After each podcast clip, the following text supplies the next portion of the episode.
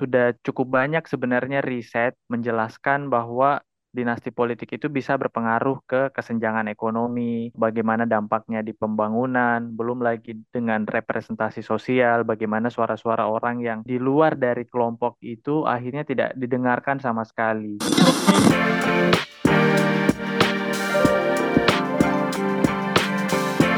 Hai sahabat TCID, kalian sedang mendengarkan podcast Suara Akademia. Ngobrol seru isu terkini bareng akademisi. Dinasti politik um, frase atau mungkin kata yang lumayan ramai diperbincangkan gitu dalam beberapa waktu ke belakang karena putusan MK yang mengabulkan untuk ujian sebagian mengenai persyaratan calon presiden dan wakil presiden itu memungkinkan terjadinya praktek ini gitu di kontestasi politik di pemilihan langsung umum tahun 2024 gitu dan ini isunya semakin bergulir gitu ketika uh, salah satu calon uh, presiden yaitu Bapak Prabowo Subianto mengajukan nama Gibran uh, yaitu anaknya Presiden Joko Widodo sebagai calon wakil presidennya. Isunya lumayan uh, banyak. Salah satu hal yang bisa disorot adalah ketika dinasti politik ini berjalan, apakah mungkin ini akan menghambat uh, proses demokrasi yang sudah ada di Indonesia sejak reformasi dan juga apakah ini akan apa ya bisa dibilang uh, menghambat juga kaderisasi anggota-anggota anak muda dalam partai politik gitu. So dalam suara akademia kali ini kita bakal membahas soal dinasti politik dan apa impactnya ke demokrasi plus kaderisasi anggota partai politik. Nama saya Muhammad Syarif dan buat kali ini kita bakal ngobrol sama Mas Wawan Kurniawan. Beliau adalah peneliti di Laboratorium Psikologi Politik Universitas Indonesia. Halo Mas Wawan, apa kabar Mas? Baik, halo. Anyway, Apa Mas? Ya, ya. saya sehat, alhamdulillah. Anyway, um, kita ngobrol soal uh, isu yang lagi bergulir sekarang nih gitu. Mungkin Ya, puncaknya betul. di hari Minggu atau Senin gitu ya, ketika Bapak Prabowo Subianto itu mengumumkan Gibran sebagai calon wakil presidennya yang akan maju di pemilu, meskipun di rekaman hari ini beliau belum mendaftar KPU gitu ya. Um, Ya. gimana nih Mas ngelihat isu dari mulai sidang MK, habis itu yang mengajukan seorang anak muda yang mengaku uh, mengidolakan Gibran sampai akhirnya ada isu-isu dan ini tuh semuanya mengarah ke dinasti politik gitu. Any thoughts, Mas? Ya, pada dasarnya kan bermula sejak putusan MK yang kontroversial itu, opini publik mulai rame dan eh, isu dinasti politik sebenarnya kan sudah ada pembahasan sebelum MK itu juga. Jadi eh, ketika Prabowo misalkan sudah mulai eh, membahas atau membidik beberapa nama, nama Gibran kan memang sudah sempat disonding di awal dan akhirnya eh, mau tidak mau ketika akhirnya putusan MK keluar dengan hasil yang cukup membingungkan dan cukup penuh kontroversial itu ya pikiran bahwa ada dinasti politik yang sedang dijalankan memang semakin menyeruak dan itu akhirnya membuat opini publik dan kita semua mungkin akan terus membicarakannya. Jadi eh, ini akan menjadi isu yang ramai dibicarakan sampai pada akhirnya ketika eh, Pak Prabowo memastikan pasangannya, nah itu seperti Mas bilang tadi, itu akan menjadi puncak dan akhirnya penting untuk selalu dibicarakan.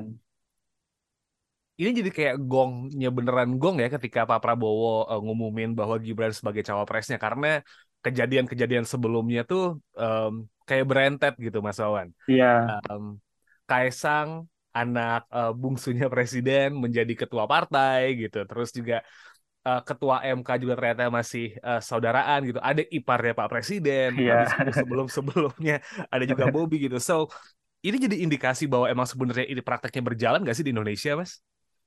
Nah, kalau misalkan kita lihat praktek politik di Indonesia jauh sebelum Jokowi misalkan, ya kita memang sudah tidak asing kan dengan istilah dinasti politik itu. Tetapi eh, dalam kasus yang terjadi saat ini itu menjadi eh, peringatan besar sebenarnya karena itu skenarionya memang sebenarnya sudah dirancang sedemikian rupa eh, dan itu dampaknya bisa berbahaya untuk proses demokrasi kita seperti yang Mas Wahyu bilang di awal tadi. Nah, kita sebenarnya masyarakat tuh punya peluang untuk uh, mencegah politik dinasti itu terjadi, tetapi di satu sisi kita kadang kehilangan power karena uh, sistem politik kita dan uh, aturan yang berlaku di uh, dunia politik dan partai di Indonesia memang uh, ada tantangan tersendiri. Misalkan uh, kalau mau jadi politikus atau mau terlibat dalam uh, kontestasi politik kita butuh modal. Uh, kita sudah tahu kalau misalkan biaya untuk bertarung di pesta demokrasi itu tidak sedikit dan kita sudah bisa melihat dari beberapa pemilu sebelumnya money politik itu sudah ramai belum lagi dengan kecurangan-kecurangan nepotisme dan sebagainya jadi memang ekosistem politik kita itu akan punya banyak tantangan nah itu yang bisa jadi uh, masalah tersendiri dan ketika ada isu ini ya ah, itu bisa semakin runyam itu So basically ini adalah tip of the iceberg ya kasus ini ya. Tapi puncak yeah. dan bikin eye opening gitu ya sebenarnya Mas Awan. Iya. Yeah. Ini bisa jadi titik di mana kita nah ini saatnya kita bergerak, ini saatnya kita paham bahwa wah situasi sedang semakin tidak baik-baik nih. Jadi kita harus menyampaikan sesuatu atau melakukan sesuatu. Yang menjadi um, apa ya? Yang menjadi pertanyaan orang adalah kalau kita melihat tadi uh, nge-refer ke statement Mas Awan juga gitu kalau ini praktek udah lama dan kalau kita mau nge-track sebenarnya udah kejadian dari zaman-zaman dulu ya gitu. Ketika yeah. melihat periode masanya Pak uh, Susilo Bambang Yudhoyono menjadi presiden gitu kita bisa melihat um, AHY gitu kan dan juga anaknya Pak SBY juga yang lain gitu juga ada di partai politik. Di PDIP pun juga kita bisa melihat uh, Megawati Soekarno Putri dan juga uh, Puan Maharani gitu banyak banget um, buktinya. Bahkan mungkin di partai yang belum masuk ke uh, Senayan gitu ya, kayak kita ngeliat yeah, iya. Perindo yeah. gitu, Pak Haritanu anaknya yeah. juga ikut aktif gitu di situ. Satu keluarga malah. Iya betul, mau satu keluarga gitu. Apa ya yang bikin akhirnya tuh praktek ini tuh bisa langgeng nih mas gitu. Selain tadi memang karena biaya, jadi akhirnya banyak orang susah masuk gitu. Ada barrier buat uh, entry ke kontestasi. Tapi faktor-faktor lain apa ya yang akhirnya menyebabkan kayak ini dilanggengin aja nih? Apakah memang iya. karena kekuasaan se menyenangkan itu jadi akhirnya kayak jangan keluar-keluar atau gimana nih? Oke, ada beberapa hal yang mungkin bisa kita bahas ya terkait dengan praktik politik dinasti itu di dalam sebuah partai. Uh, hal yang paling jelas mungkin itu yang pertama adalah organisasi partai. Jadi di partai itu memang uh, ketika punya ketua partai yang memang powernya itu terkesan lebih besar dibanding beberapa anggota di dalamnya. Nah, itu kadang akan membuat komandonya komando dari partai itu kelihatan jelas. Jadi contoh kita bisa lihat uh, eh, SBY di Demokrat, PDIP ada Ibu Mega, terus Haritano di Perindo. Nah, itu kan sudah jelas siapa pemegang kuasa tertinggi dari partai itu. Nah, lalu yang kedua, uh, ketika sistem organisasi partai itu tidak jelas, uh, dan tidak didesain dengan sedemikian rupa untuk me me mengedepankan uh, kesetaraan, akhirnya itu menjadi keleluasaan tersendiri oleh si pimpinan partai itu. Nah, tapi di satu sisi hal itu kemudian uh, menjadikan partai ini berusaha mencapai kestabilitasannya sendiri. Jadi mereka kemudian memilih eh, orang-orang uh, terdekat, sebutlah anaknya mereka atau keluarga-keluarga mereka, karena itu bisa uh, secara tidak langsung menjaga stabilitas partainya. Nah, partai mereka kan boleh dibilang dibangun dari modal keluarga, mungkin bisa dibilang modal pribadi. Nah, itu dijaga dengan cara uh, menempatkan orang-orang kepercayaan mereka. Jadi lo loyalitas keluarga-keluarga ini boleh dibilang tidak diragukan lagi lah sehingga itu bisa uh, memper, memperkuat sistem-sistem yang sebenarnya tidak tidak menyenangkan di pola-pola demokrasi kita hari ini. Nah, tapi yang paling utama itu karena itu tadi yang di awal uh, karena organisasinya tidak jelas, akhirnya prosedurnya pun juga tidak jelas. Jadi kita bisa lihat kan partai-partai yang uh, tadi di awal Mas sebut nama Kaisang kan dia kan bukan kader partai PSI, dia juga belum punya uh, pengalaman politik, tapi tiba-tiba masuk ke partai dan langsung jadi ketua politik. Nah itu kan uh, logikanya di mana gitu. Jadi uh, memang itu yang menjadi pertanyaan juga nanti. Fresh graduate jadi CEO ya kalau di dunia kerja langsung ya Mas ya bayangannya Ma, ya. betul. Harusnya orang-orang PS PS itu bertanya loh, kok tiba-tiba dia ya, kok bisa kita ini apa ini di kelompok ini? Nah, itu bisa jadi isu tersendiri tuh yang menarik dibahas. Uh, anyway, uh, kalau kita berbicara soal dinasti politik, um, ya ini kan akhirnya kan langsung banyak pertanyaan entah dari masyarakat, dari uh, netizen gitu, atau mungkin dari uh, teman-teman media yang lain menanyakan langsung pointing nih ke salah satu capres gitu, Pak Prabowo iya. kan. Gimana nih soal dinasti iya. politik, dinasti politik? Beliau bahkan sudah menjawab itu dan bilang um, dinasti politik tidak apa-apa asalkan memang yeah. ingin apa, memajukan negara. Yeah, Lihat yeah, iya, positifnya yeah, saja gitu. Statement Pak Prabowo seperti itu. But kalau kita nge-refer dari apa yang disampaikan Pak Prabowo mungkin dengan uh, insight-nya, tapi ada insight lain yang juga menyatakan bahwa um, dinasti politik ini merugikan demokrasi nih karena um, ya kesempatan orang jadi makin berkurang. Emang yeah. ada dampak buruknya gitu kan Mas selain kesempatan yang menjadi mengecil gitu kalau misalnya memang praktek dinasti politik ini nih dijalanin terus gitu. Kita sebenarnya bisa bisa belajar dari beberapa negara yang sudah menjalankan politik dinasti ya, misalkan di Mesir, di Libya, di Irak juga pernah. Uh, yang terjadi pada akhirnya adalah uh, stabilitas politik itu akan uh, bad ending lah, jadi sad ending lah nanti dinasti politik ini. Jadi kayak uh, ketika penguasa itu kemudian uh, bekerja dengan sistem kekeluargaan yang mereka utamakan, mau tidak mau kebijakan akan berpusat pada kepentingan-kepentingan keluarga itu, kepentingan-kepentingan dari orang-orang yang bergerak di dalam lingkaran uh, mereka.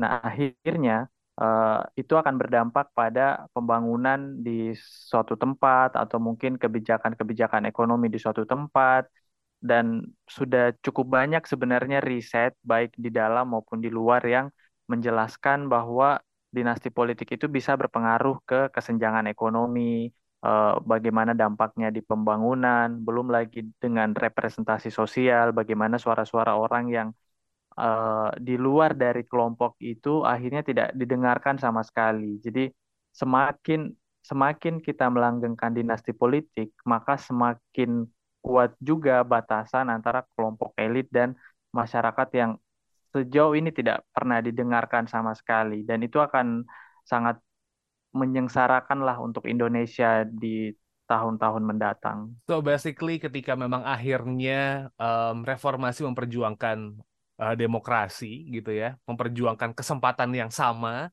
untuk masyarakat bisa berkompetisi uh, di sebuah um, ajang politik gitu adanya dinasti politik ini nih membuat kemunduran dong buat demokrasi nih Mas Wawan kita bisa nyimpulin kayak gitu nggak sih Iya, karena itu bisa jadi krisis legitimasi politik juga kan. Jadi uh, mereka yang sudah berada di dalam kelompok dinasti politik ini punya kuasa lebih dan semakin kuat untuk uh, bertindak semena-mena juga. Jadi akan ada kekuasaan mutlak yang uh, sulit untuk disentuh oleh masyarakat. Bahkan kita kan bisa mengeluh ya sekarang bah bahwa susah sekali rakyat atau kita-kita ini menyuarakan pendapat kita ke pemimpin. Uh, bisa dibayangkan ketika politik dinasti nantinya kemudian semakin langgeng dan semakin berkuasa, ya suara-suara rakyat, suara-suara yang semestinya didengarkan memang akan semakin uh, sempit atau bahkan memang akan terabaikan karena representasi itu tadi memang sudah tidak sedari awal tidak tidak tercapai. Nah, itu yang sebenarnya berbahaya di iklim politik Indonesia.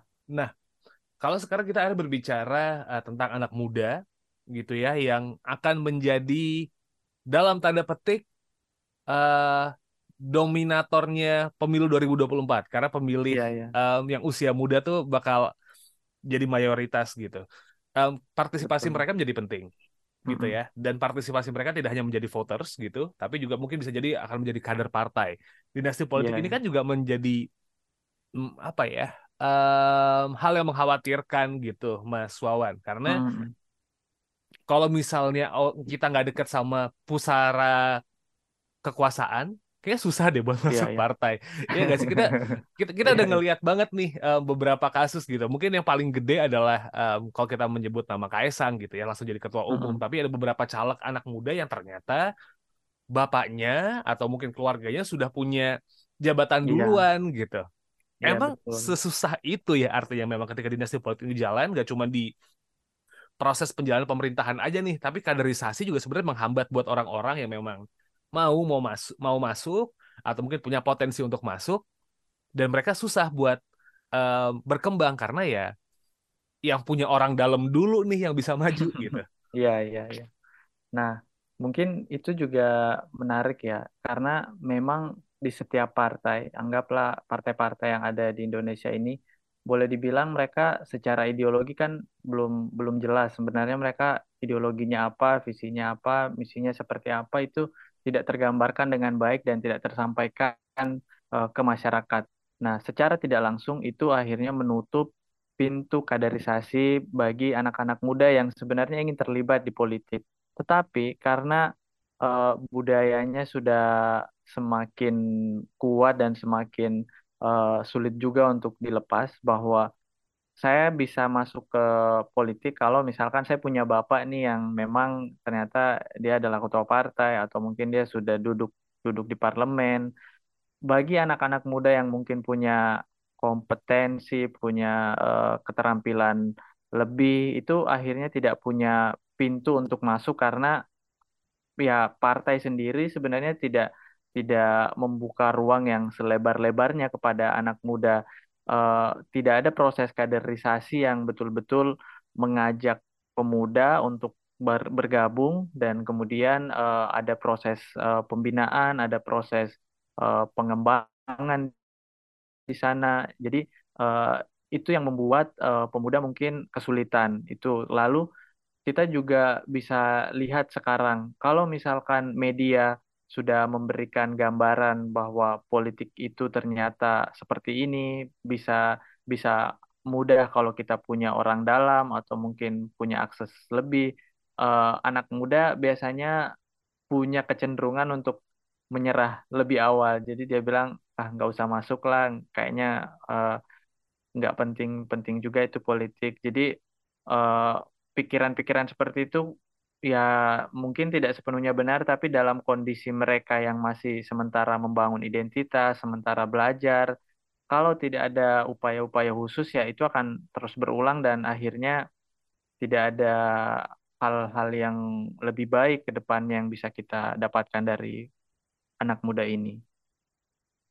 So in the long run praktek ini bisa memperparah situasi politik kita dan mungkin kaderisasi partai ya, Mas Awan ya, Iya, lebih gitu ya. tentu saja.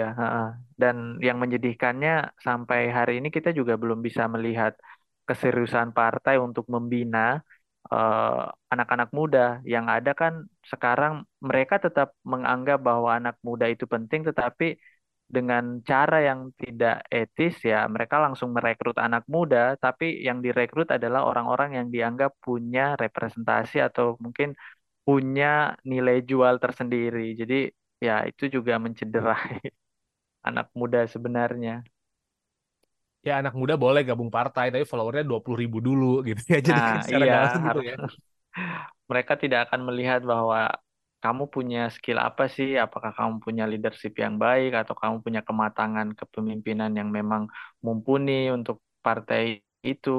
Ya sekarang sekarang semua itu jadi kabur dan ya itu tadi modal-modal sosial saja yang dilihat. Oke. Okay. Mas Awan mungkin ini jadi obrolan um, udah jadi ujung obrolan gitu karena sepertinya dinasti politik bakal jadi gorengan yang paling anget buat um, dibahas di pemilu 2024 ini gitu. Betul. Gak nggak selesai kayak habis uh, sampai di pencoblosan tuh baru selesai, habis count resminya keluar kayak baru selesai diobrolin gitu. Bahkan iya, iya. bisa mungkin lanjut sampai lima tahun ke depan gitu ya. We'll never know. But ya, yeah, mungkin ada yang pengen disampaikan lagi nih Mas Awan mengenai dinasti politik ini yang akan hangat selalu dibicarakan gitu ya sampai uh, proses pemilu berjalan dari uh, setelah pendaftaran nanti mungkin um, kampanye nanti mungkin bakal digoreng lagi mepet-mepet pencoblosan gitu um, ya ada yang sama lagi kah mengenai praktek ini dan kaitannya sama demokrasi plus kaderisasi partai ini, Mas? Iya, uh, ke depannya mungkin kita sebagai masyarakat ya, jadi memang harus uh, menentukan pilihan itu dengan matang dan tidak serta-merta uh, mengikuti apa yang di framing oleh media. Jadi kita harus uh, punya kemampuan memilih, uh, melihat kondisi yang lebih dalam lagi karena situasi memang sedang menuntut kita untuk berpikir lebih keras karena ya elit politik kita juga punya permainan ya masyarakat juga butuh. Sebenarnya di sini proses belajar tapi di satu sisi kita juga bisa jadi orang-orang yang terkena jebakan yang dibuat oleh mereka itu. Jadi memang eh, wacana ini ya setidaknya harus selalu dibicarakan, didiskusikan sampai pada akhirnya orang-orang yang mungkin belum sempat mendengar atau mengakses isu-isu ini bisa mendapatkan pemahaman yang lebih luas, bisa melihat uh, kondisi lebih jernih dan lebih dalam dan nantinya itu akan berpengaruh kepada keputusan mereka di pesta demokrasi. Oke. Masih ada waktu yang cukup banyak buat mempelajarinya karena ya masih ada waktu kurang lebih 3-4 bulan lagi untuk menentukan pilihan gitu ya. 14 Februari 2024 pelaksanaan pemilu. Jadi ya, yeah, we still got time to think kira-kira mana yang pas uh, sesuai dengan pilihan personal gitu. Kalau gitu Terima kasih Mas Wawan Kurniawan dari Universitas Indonesia udah sempetin buat ngobrol kali ini. Ya, sehat-sehat terus Mas Wawan. Ya, sehat-sehat juga buat Mas. Oke, okay. tulisan Mas Sawan juga banyak banget di The Conversation Indonesia, Sobat Isi ID. Um, kemarin juga tanggal 17 Oktober, Mas Sawan sempat ngomongin soal dinasti politik. Uh, ya, ini memang isinya jadi lumayan menarik juga. So, langsung bisa dicek di theconversation.com slash ID gitu ya, untuk tahu semua tulisan Mas Sawan dan tulisan dari akademisi-akademisi yang lain. Right? It's enough for this episode. I'll see you on the next week. Wassalamualaikum. Kalian telah mendengarkan podcast Suara Akademia. Ngobrol seru isu terkini bareng akademisi.